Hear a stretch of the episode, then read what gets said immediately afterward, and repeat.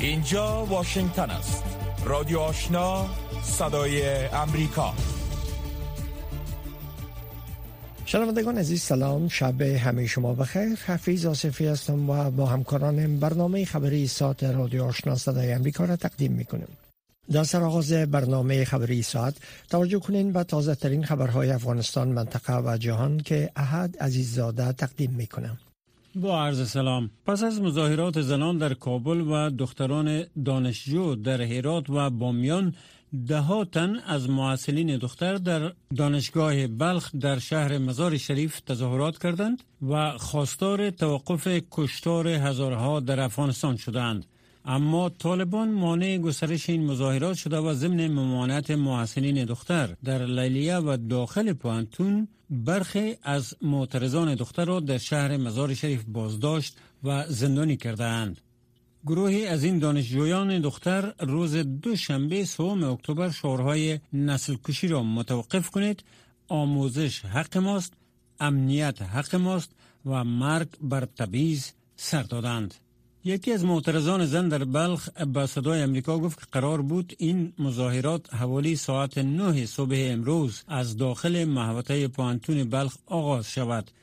اما طالبان دروازه لیلیه دختران و برخی از صنفهای آموزشی را قفل کرده و مانع آنان شدند. در ویدیوهایی که در رسانه های اجتماعی به نشر رسیده دیده می شود که دختران دانشجو در تلاش شکستن قلف دروازه لیلیه این پوانتونند تا در مظاهرات شرکت کنند. همچنان در ویدیوهای دیگر حضور سنگین افراد طالبان را در بخشای دانشگاه بلخ نشان می دهد که گفته می شود برای سرکوب مظاهرات دانشجویان دختر در این محلات جابجا شده اند. چهار روز پس از حمله مرگبار بر یک مرکز آموزشی در غرب کابل هیئت معاونت سازمان ملل متحد یونما در افغانستان می گوید که شمار تلفات ناشی از این واقعه در حال افزایش است. یونما روز دوشنبه صبح ماه اکتبر در توییتر نوشت که در حال حاضر ارقام قربانیان این انفجار به 43 نفر کشته و 83 زخمی رسیده است. حمله بر مرکز آموزشی کاج حوالی ساعت هفت صبح روز جمعه زمان به وقوع پیوست که امتحان آزمایشی کانکور در این مرکز آموزشی در مربوطات حوزه 13 شهر کابل جریان داشت. بر اساس معلومات یونما احتمال دارد که شمار تلفات این رویداد در روزهای پیشرو بیشتر از این افزایش بیابد. ملل متحد تاکید کرده است که دختران و زنان جوان قربانیان اصلی این انفجارند. پیش از این وزارت داخله حکومت طالبان گفته بود که در این حمله 19 نفر جان باخته و 27 نفر دیگر زخمی شدند.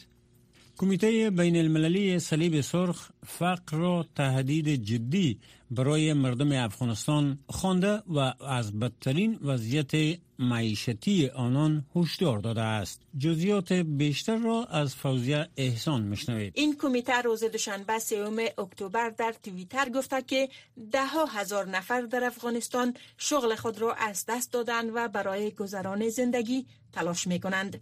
کمیته بین المللی صلیب سرخ گفته است بدون حمایت بین المللی وضعیت بدتر خواهد شد.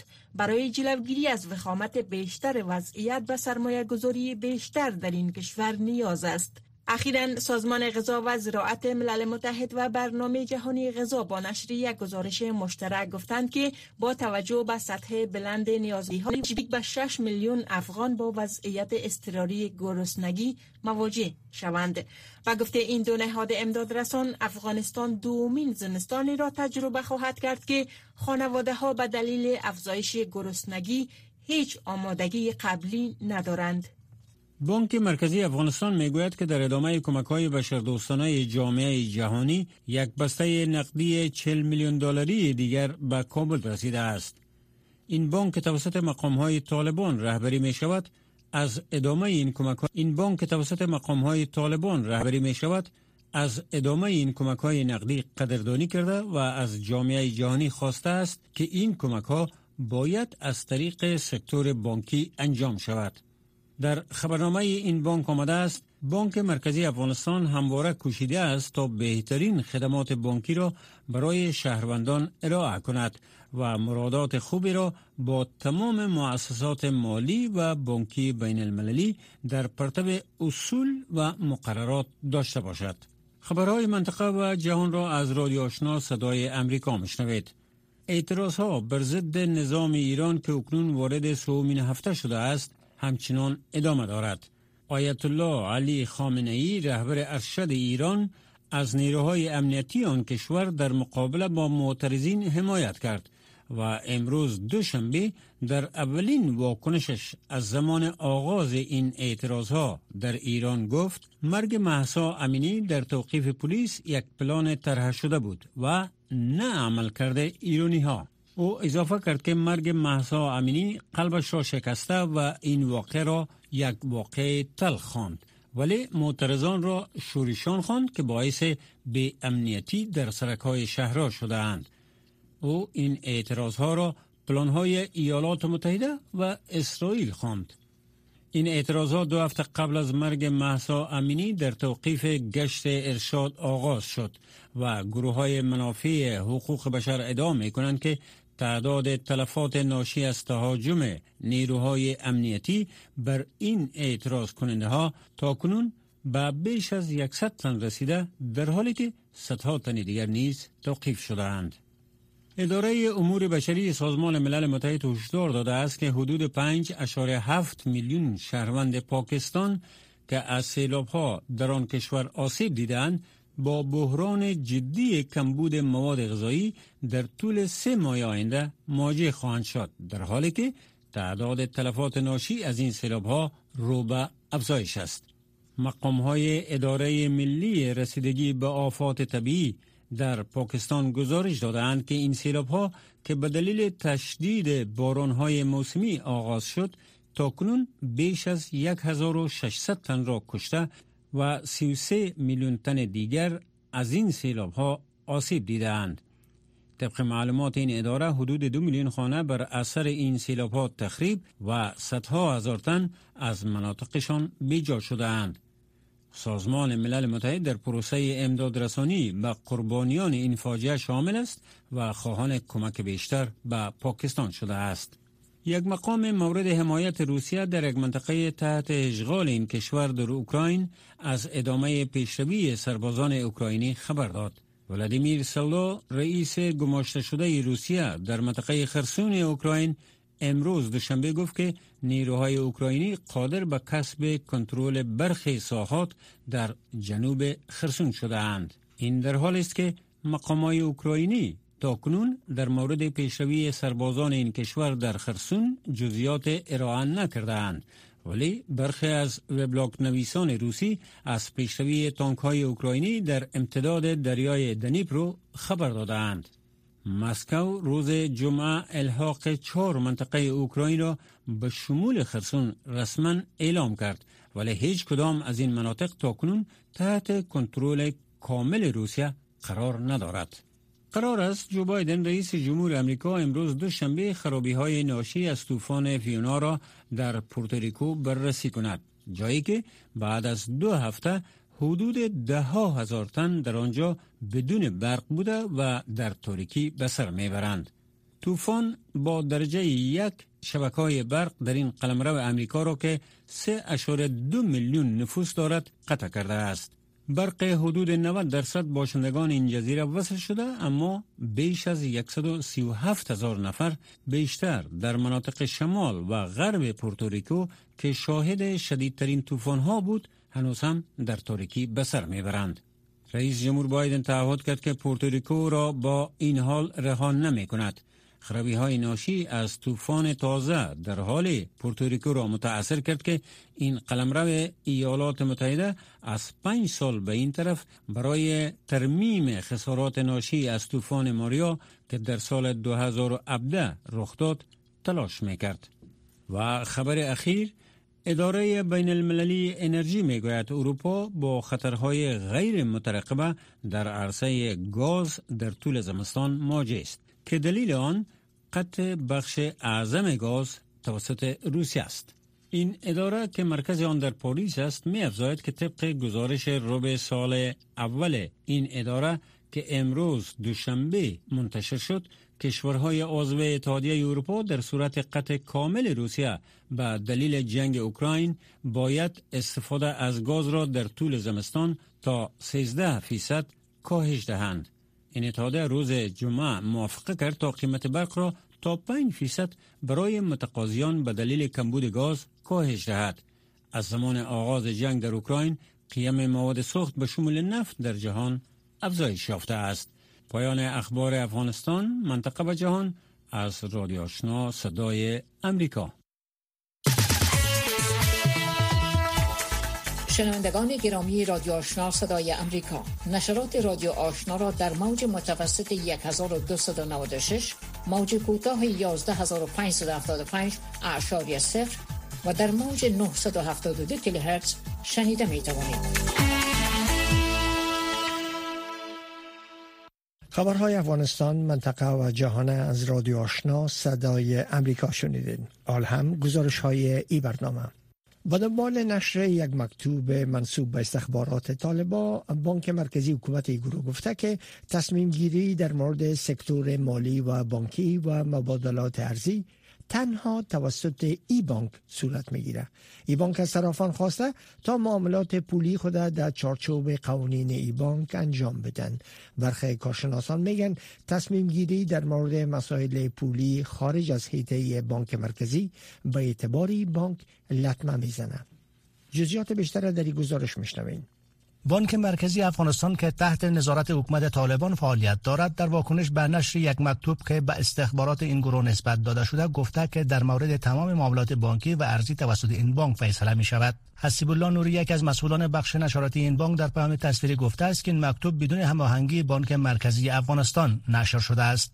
در این مکتوب که ظاهرا از سوی استخبارات طالبان نشر شده گفته شده که صرافان و کنندگان خدمات پولی مبادله و انتقالات مبالغ ارزی را نباید انجام دهند. اما آقای نوری گفت رسیدگی به این موضوعات از مسئولیت های افغانستان بانک می باشد و اتخاذ هر فیصله و تصمیم در قبال سکتور مالی و بانکی چگونگی استفاده از اسعار خارجی و نحوه مبادلات از مجرای افغانستان بانک و با در نظر داشته قوانین و مقررات مربوطه صورت می گیرد ریاست استخبارات حکومت طالبان هنوز به این اظهارات نه واکنش نشان داده و نه تایید کرده است که مکتوب نشر شده در رسانه های اجتماعی را این نهاد نشر کرده است. در این مکتوب که از سوی مدیریت نهم مبارزه با پولشویی ریاست 041 استخبارات طالبان در شبکه های اجتماعی منتشر شده صرافان خواسته شده است که اضافه از 500 هزار با روپیه پاکستانی معامله نکنند. طارق فرهادی کارشناس و مشاور پیشین صندوق بین‌المللی پول به صدای آمریکا گفت که اقدامات این چونونی و کنترل مسائل پولی از سوی هر اداره بدون هماهنگی بانک مرکزی و اعتبار این بانک صدمه می‌زند. این در حقیقت بانک مرکزی را کردیتش کم می‌کنه و تمام کوشش هایی که باید شود که بانک مرکزی با اعتبار باشه و حرفوی باشه او را پس ضرب صفر می‌کنه همزمان با تسلط طالبان بر افغانستان در 15 اگست 2021 دولت ایالات متحده نزدیک به 10 میلیارد دارایی بانک مرکزی این کشور را مسدود کرد و جامعه جهانی نیز کمک های خود را متوقف کرد که منجر به بحران اقتصادی در افغانستان شد. حدود سه هفته پیش حکومت ایالات متحده گفت که 3.5 میلیارد دلار از دارایی امانت پولی در سوئیس میسپارد تا برای کمک و بهبود اقتصاد اصرف برسد. ایسا رضایی استاد اقتصاد گفت که هر گونه تصمیم ایالات متحده در این خصوص بر اقتصاد افغانستان تاثیرگذار است. آن چیزی که مهم است تزریق این ارز بر اقتصاد کشور است. حالا فرق نمی کنم بکا از طریق یک بانک سوئیس این کار را انجام دهد به تدریج یا اینکه از طریق بانک مرکزی افغانستان صورت بگیرد؟ از آنجایی که طالبان کاملا مسلط بر بانک مرکزی افغانستان است بحث استقلالیت بانک مرکزی معنی نداره عملا. از سوی دیگر بانک مرکزی افغانستان در واکنش به تصمیم تازه ایالات متحده گفته است که این بانک به عنوان ملکت افغانها سالهای متمادی در پرتب قانون برای حفظ ثبات پولی، استحکام نظام مالی و تسهیل تجارت با جهان استفاده شده است. این بانک با نشر اعلامیه خواستار رفع کامل محدودیت ها بر ذخایر ارزی افغانستان شده و هر گونه تصمیم در خصوص اختصاص استفاده و یا انتقال از این ذخایر برای رسیدن به اهداف نامرتبط را غیر قابل قبول دانسته و خواهان تجدید نظر آن شده است. شنوندگان گرامی رادیو آشنا صدای امریکا نشرات رادیو آشنا را در موج متوسط 1296 موج کوتاه 11575 اشاری سفر و در موج 972 کیلوهرتز شنیده می توانید. با وجود تظاهرات در داخل و فشارهای جامعه جهانی برای باز شدن مکاتب بالاتر از تنفیش برای دخترها در افغانستان مکاتب کشور همچنان برای دختران مسدود مانده در رابطه به که مکاتب تا چی وقت بسته خواهد ماند و طالبان از مسدود ماندن مکاتب چی هدف را دنبال می کنند فوزی ایسان مصاحبه با ناجی ابابکر خیل فعال حقوق زن انجام داده که با هم میشنویم. مکاتب برای دخترها در افغانستان بسته مانده. از یک سال هم گذشت. این سال دوم است که مکاتب برای دخترها بسته ماندن به نظرتان مکاتب تا چه وقت بسته خواهد ماند؟ من فکر می‌کنم وقتش تعیین نیست. چون کل ما منتظر بودیم که اینا وعده دادن که ما سر پلان کار می‌کنیم من سر نصاب کار می‌کنیم. امیدواری زیاد بود. اما قسمی که می‌بینی تا زمان بسته خود بود که کسایی که طالبا را به افغانستان آوردن و طالبا در افغانستان به قدرت رسیدن دستوری را که برشان داده که به این شکل که صد سال افغانستان به عقب بره از نگاه علم دانشی که در روزایش بسته کرده پس این مربوط اونمو عبد قدرت های میشه که یک قدرت در افغانستان حمایت می‌کنن به نظر ما این مربوط با یک مربوط کدام همسایه مشخص یا نمیشه من فکر می‌کنم ملل متحد. شما گفتین که طالبا به دستور کسی مکاتب بسته کردن و دستور کشور یا به دستور استخبارات مکتب را بسته کردن. پس طالبا چی هدف دنبال می‌کنن از بسته کردن مکاتب؟ و او کشور یا او گروه و جریانی که جانبی که از طالبا می‌خواهند که مکتبا را بسته نگه دارن اونا چی می‌خواهند؟ چه هدف دنبال می‌کنن؟ به نظر شخصی ما تاریخ افغانستان اگر مطالعه کنیم و خصوصا جنگای دوری آخره فقط افغانستان جلوگیری از پیشرفت افغانستان مانع پیشرفت به اصطلاح تکنولوژی امروزی که وابسته به علم و دانش است این باید استاب باشه. باختر که سوی استفاده از مردمشان تا آل که شده باید از استفاده کنن. زمانی که مردم یک مملکت یا مردم افغانستان هوشیار باشن با علم و دانش ملبس باشن استعمال نمیشن. به مخاطب بسیار زود استعمال میشن. و که اینجا دست استخبارات شدیدن وجود داره. مورد کرده نمی‌تونیم. برای که همه کشورها در رابطه به بستن مکتب در یک مملکت اگر صدا کنن موضوعی که داست به شکل سکوت است. مثل که میگه دوزم میگه دوزی کو صاحب خانه میگه و اگر طالبا واقعا دلسوز به مردم دلسوز به وطن خود و واقعا خود یک امارت حساب می‌کنن یا دولت حساب می‌کنن معقد حساب می‌کنن. یک اصول و قوانین در اونجا باید وجود داشته باشن تعلیم تربیه مردم حق مردم افغانستان است. شما طالبا را مستقل فکر می‌کنین؟ در حالی که گفتین دستور خود از دیگران می‌گیرن پس نه نه من به این صورت مستقل اونا را فکر نمی کنم برای که هر کسی که با خانه خود دل بسوزانه مطمئنا خانه از خودش باشه دل میسوزانه. به نظرتون چرا مکتبا چرا جا مراکز تعلیمی مراکز آموزشی در افغانستان هدف قرار می‌گیره شما شاهد بودین که نزدیک به چند دختر کشته شد. ده ها تن دیگه زخمی شدن در یک مرکز آموزشی امی روز شما چه فکر می‌کنین؟ کی ها مسئول هستن؟ موضوع اولی و آخری ما نخواهد بود. ما پیشتر اشاره کردم در 50 سال ما بسن در روزه مکاتب دیدیم راکت دیدیم شاگردان شهید شد و سادات شهید شد. به این شکل به حد زیاد ما رسیدیم تا اینجا. حال هدف فقط بستن دروازه های مکتب بسیار مهم است برای ما. ببخشین شما فکر می‌کنین حمله به مراکز تعلیمی حمله به مراکز آموزشی منظور هدف این حملات همیست که مکاتب مراکز آموزشی بسته بانه؟ بله بله. برای که کجرات نکنه که اولاد خود روان کنه مکتب رو دروازهش چون دولتی است برای مردم بسته است. و جای یک شخصی است اینا به این شکل باید به مسجد بسازن. تا که نتانن مردم جرات کنه اولادای خود روان رادیو آشنا صدای امریکا هفت روز هفته. خبر و گزارش ها و تحلیل های خبری روز. انستیتوت ملی موسیقی افغانستان یک سال پس از سقوط جمهوریت و حکومت طالبان در کشور اولین اجرای کنسرت خود پس از ترک افغانستان در شهر لیسبون پایتخت پرتغال با شرکت وزیر خارجه پرتغال و برخی نهادهای حامی انستیتوت برگزار کرد اجرای کنسرت ای هنرمندان در حالی است که به گفته هنرمندان طالبان در افغانستان گوش دادن با موسیقی و نواختن آلات موسیقی را مخالف احکام اسلامی و حرام می دانند. برگزار کنندگان ای کنسرت میگن هدف از برگزاری ای کنسرت در چنین وضعیت زنده نگه داشتن و حفظ فرهنگ و موسیقی در افغانستان است. شهر بیشتر از فرخنده پیمانی از شهر لیسبون پرتغال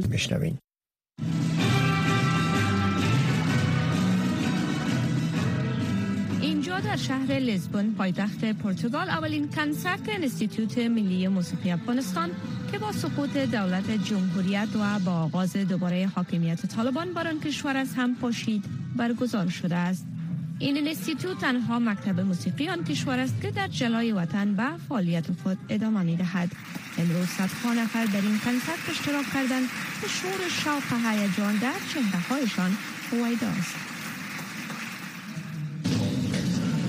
یولاندا لوپز سرپرست صدای امریکا که در این کنسرت حضور داشت در مورد مستند صدای امریکا به نام سمفونی شجاعت که چند قبل آن را تهیه کرد صحبت کرد و در مورد پوشش این رویداد مهم هنری موسیقی افغانستان توسط صدای امریکا گفت که برگزاری این کنسرت برای حفظ داشته های فرهنگی افغانستان برای مردم این کشور امید بخش است. The loss of freedom to create از دست دادن آزادی خلق کردن هنر اجرا و لذت بردن از موسیقی در کابل باستاب آزادی از دست رفته دیگری در افغانستان است که ما به عنوان صدای امریکا هر روز با آن مبارزه می کنیم و آن آزادی بیان است. در حال حاضر مردم افغانستان بیشتر از هر وقت دیگر تشنه اخبار اطلاعاتی و هنر موسیقی هستند. این کنسرت با استقبال مقامات کشور میزبان و نهادهای حامی اینستیتوت و افغانهای مقیمین کشور قرار گرفت. این یک لحظه فوق العاده است که ما از طریق انستیتوت ملی موسیقی افغانستان بهترین فرهنگ افغانستان را در اینجا داریم که متاسفانه فعلا در افغانستان ممنوع شده است. اما نکته مهم داشتن این فرصت در پرتغال است که امکانات بقای این فرهنگ را مساعد می سازد می دانیم که روز امکان پخش دوباره موسیقی در افغانستان وجود خواهد داشت. و به همین لحاظ این رشته را باید زنده نگه داریم و ما در پرتغال از اینکه در این امر صحیح هستیم بسیار افتخار می‌کنیم. ناصر سرمست بنیانگذار و رئیس انستیتوت ملی موسیقی افغانستان. به این باور است که با این کار می‌تواند موسیقی و فرهنگ افغانستان را زنده نگه دارد. احساس خوشی افتخار غرور استقامت پایمردی. بالاخره از زمان زمان است که از ما قربانی می‌خواهد پایمردی می‌خواهد فداکاری می‌خواهد باید صدای موسیقی مردم افغانستان باشیم باید نماینده هنر موسیقی افغانستان در بیرون باشیم موسیقی نوازان در این کنسرت با یک شور و شوق به جای از این کنسرت پرداختن و همچنان از اجرایشان خیلی هم راضی و خوشحال به نظر می رسیدن. این در حال است که اکثر هنرمندان پس از حاکمیت طالبان در افغانستان کشور را ترک کردند و عده هم که در داخل افغانستان باقی ماندن در وضعیت خیلی بده گیر ماندند ما صدای اونا هستیم که صدا نداره نه روز کشته میشن ما بسیار احساس خوشی دارم و بسیار احساس خوشبختی دارم که من یک کس هستم که در افغانستان صدای دیگران را می‌تونم بلند کردن صدای رسای موسیقی افغانستان هنوز زنده است و هنوز بچه ها, بچه ها و دخترای افغان زنده هستند که برای کشور خود برای آینده کشور خود کار بکنن. هیچ وقت تو کشور خاموش نمیمونن اجرای این کنسرت با سرودهای مختلف از همه مناطق و اقوام افغانستان همراه بود با استقبال گرم اشتراک کنندگان افغان و غیر افغان قرار گرفت. ولا مونږ ډیر خوشحال شو خپل د ملي سرود واوریدو دا ټول ملګری دي. دا یو به ژړا پات نه شو. ټول وژړل. نو هغه هغه مونږ کنټرول نکړو شو بیا هم خدای دې مونږ وطن جوړ کړي چې بیا هم د ملي سرود واورو تیم ملی موسیقی افغانستان یک از بسیار قوی و بسیار پیشرفته هستند که اینا در افغانستان در امکانات که داشتن بسیار خود پیش رساندن خارج از توقع بالاتر از توقع و امروز بسیار خوشحال هستم. من یک افغان که شهروندای خود در کشور اروپایی واقع پیشرفت زیاد می‌بینم. فعالیت این گروه موسیقی در خارج از کشور اگرچه با برخی مشکلات همراه بوده است اما با حمایت بین المللی و پشتکار مسئولین و هنرمندان این اینستیتوت و همراه بوده است. این کنسرت به عنوان بزرگترین اجرای تیم ملی موسیقی افغانستان در بیرون از افغانستان درست یک سال پس از حاکمیت طالبان در افغانستان است. حاکمیتی که مخالف هنر موسیقی و زن در افغانستان است. اجرای از این کنسرت در حقیقت پاسخ است بر رهبری طالبان که مردم افغانستان با ویژه زنان افغانستان بخشی از محافظین هنر و موسیقی افغانستان هستند.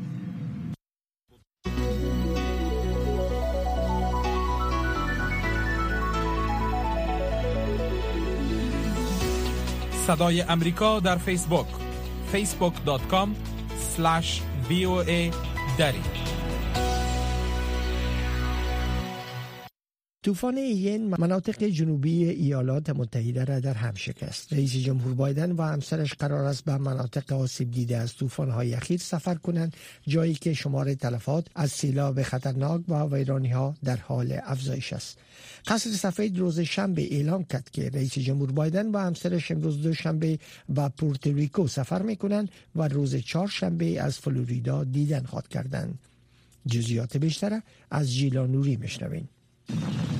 چهارشنبه گذشته ایالت فلوریدا دستخوش طوفان ین و سرازیر شدن سیلاب ها شد که باعث تخلیه حدود 2.5 میلیون نفر در امریکا گردیده است. طوفان درجه 4 ین با سرعت 24 کیلومتر در ساعت و سمت شمال میوزید. با دلیل سیلاب ها حدود دو میلیون خانه و محل کسب کار در فلوریدا با قطع برق مواجه شدند. شهردار فلوریدا می‌گوید شدت طوفان در برخی مناطق باعث شده که سطح آب احتمالا تا 30 متر بلند رفته باشد. رئیس جمهور بایدن صبح روز بعد از طوفان در دفتر مرکزی مدیریت حالت اضطراری فدرال در این مورد صحبت نمود. این طوفان یکی از مرگبارترین طوفان ها در تاریخ امریکاست شمار تلفات هنوز واضح نیست اما گزارش های داریم که نشان می‌دهد شمار زیاد جان باخته اند تلاش های محلی و حکومت فدرال در منطقه ادامه دارد اما حکومت بایدن می‌گوید بسیار زود است که رقم تلفات را اعلام نمود به خاطر که مسیر طوفان بسیار غیر قابل مترقبه بوده و چند ساعت از سیلاب ها گذشته است. راه طولانی برای نجات پیش رو داریم. شمار زیاد مردم از این وضعیت متاثر شدند. اما می‌دانیم که هنوز در مرحله عملی نجات و جستجو قرار داریم و تلاش می‌کنیم تا همه کسانی را که در راه طوفان متاثر شدند حساب کنیم و بعد به هر خانه می رویم تا کسی به جای نماند. قانونگذاران جمهوری خواه ایالت فلوریدا با که با حکومت بایدن روی برخی مسائل توافق نظر ندارند اما از پیشبرد عملیات نجات توسط مقامات حکومت فدرال محلی اظهار امتنان کردند. از روز نخست طوفان رسیدگی حکومت فدرال به وضعیت مثبت بوده و در گذشته این طور بوده است. ما از همه تلاش های آنها ممنون هستیم. به خصوص اداره رسیدگی به حالت اضطراری فدرال که در رسیدگی به وضعیت در ایالت های مختلف نقش مهم دارد و برای ما می‌گویند که به این یا آن چیز نیاز داریم و ما اکنون روی این پروسه کار می‌کنیم. قانونگذاران امریکایی شمال از مناطق سیلاب زده طوفان ین را کاملا از دست رفته و غیر قابل نجات توصیف می کنند. طوفان فیونا پس از طوفان ین رسید و سایر مناطق ایالات متحده با شمول پورتوریکو را نیز متاثر ساخت. رئیس جمهور بایدن و همسرش این هفته از هر دو منطقه سیلاب زده دیدن می